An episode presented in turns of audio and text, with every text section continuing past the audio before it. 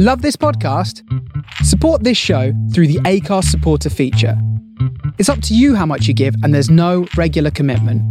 Just hit the link in the show description to support now.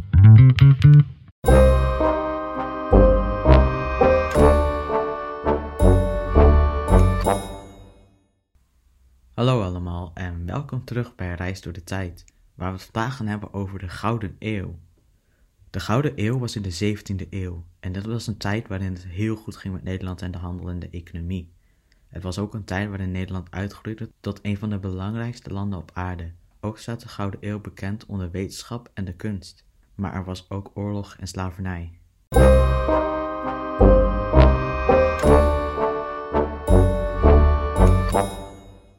Om te kijken hoe de Gouden Eeuw ontstond, moeten we eigenlijk teruggaan naar de middeleeuwen en de Reformatie.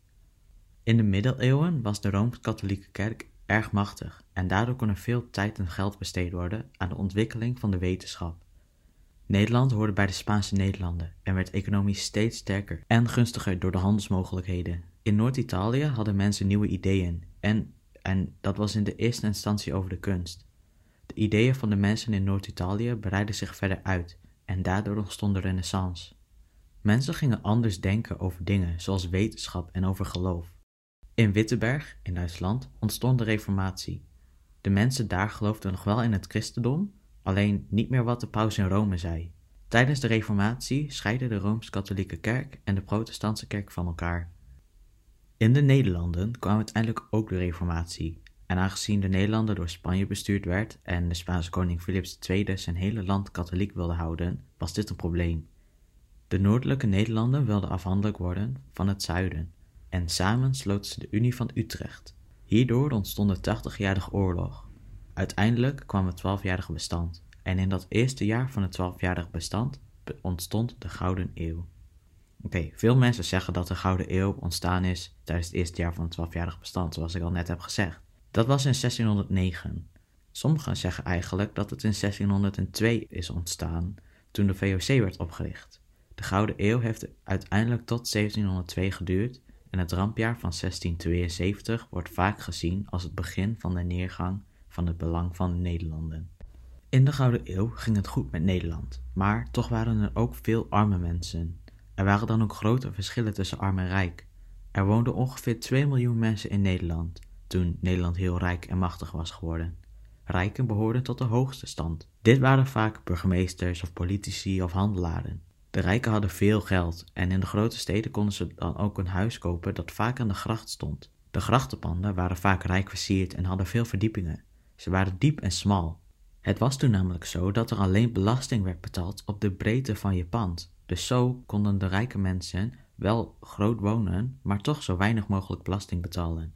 Rijke mensen konden vaak specerijen en zout kopen. En wist je dat in het huis van een rijk iemand vaak een poppenhuis stond om te laten zien hoe het was ingericht? Zo kon je zien dat iemand echt rijk was. Daarnaast waren er nog de hoge armen. De armen waren de mensen die niet veel verdienden. De armen woonden vaak in eenvoudige huizen en hadden weinig spullen. Maar deze arme mensen hadden wel een huis en hadden vaak genoeg te eten. Ze woonden vaak in simpele huizen die niet erg gunstig gelegen waren. Voorbeelden zijn bijvoorbeeld boeren of mensen die standaard producten maken zoals textiel of hout. En ook mensen die op schepen werkten. De derde groep waren de lage armen. Deze hadden het vaak slechter dan de hoge armen en ze deden soms zwaar werk. Arbeiders en huisbedienden vielen hieronder. Arbeiders waren vaak mannen. Zij werden vaak ingeschakeld bij, bij bouwprojecten zoals het uitgraven van een gracht. Huisbedienden waren vaak vrouwen en werkten bij de rijken thuis. Ze zorgden daar voor de huishouding, wassen en schoonmaken en zo. Dan was er nog de laatste groep, de paupers. De paupers waren de arme mensen die geen vast werk hadden, rondliepen in oude kleren en niet meer aten dan een oude hond brood. Op het platteland waren de huizen van hout en er was meestal maar één kamer in te vinden. En daarin leefden de mensen met de dieren. Nederland werd bestuurd door een stadhouder in de Gouden Eeuw. De stadhouders waren de familie van Willem van Oranje en kwamen uit het huis Oranje-Nassau. Nederland was in die tijd een republiek, maar toch mochten alleen de rijken stemmen. Nederland werd bestuurd vanuit Den Haag en naast een stadhouder was er ook een parlement, de Staten-Generaal. Deze bestond niet zoals nu uit een Eerste en een Tweede Kamer, maar uit maar één Kamer. De Gouden Eeuw is ook de eeuw van de wetenschap. En in de loop van de middeleeuwen en daarna de reformatie vroegen mensen zich al dingen af en in de Gouden Eeuw ging dat gewoon door. Er zijn een aantal bekende wetenschappers uit de Gouden Eeuw. Als eerste had je Jan Adriaanszoon Leegwater. Hij was een man die met behulp van gemalen grote meren droogpompte. Hij deed dit omdat de bevolking groeide en er weinig land was in de stad. Daarom werd er in 1608 besloten om meren droog te leggen. De droogmakerijen leverden de kooplui veel geld op. De nieuwe polders waren goed om gewassen te verbouwen. Leegwater heeft onder andere de Beemster leeggepompt. Anthony van Leeuwenhoek was ook, een bekende was ook een bekende uitvinder in die tijd. Hij maakte een goede microscoop. Hij ontdekte bacteriën en cellen en andere zaken die met het blote oog niet te zien waren. Ook in de Gouden Eeuw was er Christian Huygens. Hij ontwierp het slingeruurwerk dat werd gebruikt bij de klok. Naast wetenschap was de 17e eeuw ook de eeuw van de kunst. In de schilderkunst waren een aantal dingen populair, als eerste historiestukken, schilderijen die bijvoorbeeld veldslagen en andere gebeurtenissen uitbeelden. Dan waren er nog zelfportretten, landschappen, stadsgezichten, stillevens zoals vazen met bloemen of een banket en alledaagse dingen. Veel, bekend, veel bekende Nederlandse schilders komen uit de 17e eeuw. Bijvoorbeeld Jan Steen, Rembrandt van Rijn, Johannes Vermeer. Dat zijn allemaal beroemde schilders uit de Gouden Eeuw. Rembrandt werd het beroemdste. Hoewel hij nu een van de beste schilders ter wereld is, vonden mensen in de Gouden Eeuw sommige werken van hem niet mooi, zelfs de Nachtwacht. Toch was er naast schilderkunst ook andere vormen van kunst. Het Delfts Blauw is een beroemd porselein uit Nederland. Als je een keer een tegeltje gaat schilderen, kan je dat met blauwe verf doen, maar dan is dat geen Delfts Blauw. Het Delfts Blauw wordt namelijk heel bijzonder gemaakt. Het is niet van porseleinaarde, maar van klei dat na het bakken een laagje tinglazuur kreeg. Ook goudse pijpen komen uit de Gouden Eeuw. Dit zijn pijpen waar tabak uit gerookt kan worden en het is gemaakt van klei. In de 17e eeuw was dit echt iets dat bij de Republiek hoorde. Goudse pijpen zijn niet van goud, maar ze heten zo omdat ze uit Gouda komen. Architectuur is ook iets van de Gouden Eeuw. Veel bekende grachtenpanden komen uit de Gouden Eeuw. Onder andere in Amsterdam, Delft, Leiden, Middelburg en Gouda werden deze allemaal gebouwd. Toen waren dit hele belangrijke en grote steden. Jacob van Kampen is een bekende architect uit de Gouden Eeuw. Zo bouwde hij het nieuwe stadhuis van Amsterdam, wat tegenwoordig het Paleis op de Dam is. De handel was een belangrijke bron in de Gouden Eeuw, waar de mensen hun geld mee verdienden. De handel was vaak koffie, wol en specerijen.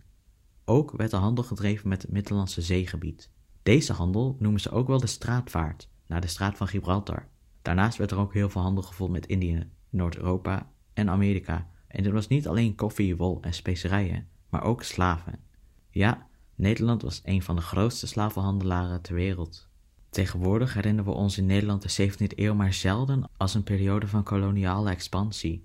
De aandacht gaat liever uit naar schilders, bestuurders en een paar zeehelden. De handel gaf goede welvaart. In Nederland werd linnen en laken gemaakt. Er waren ook ververijen, zeepziederijen en nog veel meer. De landbouw en veeteelt waren heel belangrijk in de 17e eeuw. De boeren verbouwden gewassen voor de nijverheid en de handel. Bijvoorbeeld vlas voor de linnenindustrie en koolzaad en raapzaad voor de spijsolie. Ook werd er tabak verbouwd. Er waren schapen voor de lakenindustrie en koeien voor het melk en het vlees. Rond 1600 gingen de Nederlanders zelf naar India om hun, spijs, om hun specerijen te halen. Eerst deden dit de Spanjaarden en de Portugezen. Deze reizen waren duur en heel gevaarlijk, want er waren toen nog piraten. Daarom gingen rijke kooplui samenwerken. Ze wilden net als Vasco da Gama de snelste weg naar Indië nemen en daar moest de VOC voor zorgen. Veel Nederlanders probeerden een snelle weg te vinden naar Indië. Willem Barens probeerde bijvoorbeeld een weg via het noorden te vinden naar Indië, maar hij kwam vast te zitten op Nova Zembla. Jan Huygens van Linschoten wist uiteindelijk een kaart te stelen van de Portugezen. Nederland ging deze route ook varen en de Portugezen waren daar niet blij mee. En dit betekende dus oorlog op zee. In de Gouden Eeuw heerste Nederland over de wereldzeeën. Frankrijk en Engeland, die dat daarvoor deden, hadden te veel problemen in eigen land. De kooplui in Engeland en Frankrijk waren jaloers op de Nederlandse vrachtvaarders. Die Nederlandse kooplui verdienen namelijk veel geld. De Engelsen en de Fransen nemen maatregelen om de Nederlanders dwars te zitten, en als dat niet lukte, dan gingen ze dat met geweld oplossen. Er kwamen twee oorlogen tussen Nederland en Engeland. In 1672 nemen de Engelsen samen met Frankrijk, Keulen en Münster nog een oorlog op zich tegen Nederland. Iedereen dacht dat dit het einde was voor Nederland, maar na veel inspanning wint Nederland. Maar na deze oorlog duurde het jaren voordat Nederland weer bovenop was. En ook al had Nederland gewonnen, dit was praktisch het einde van de Gouden Eeuw voor Nederland.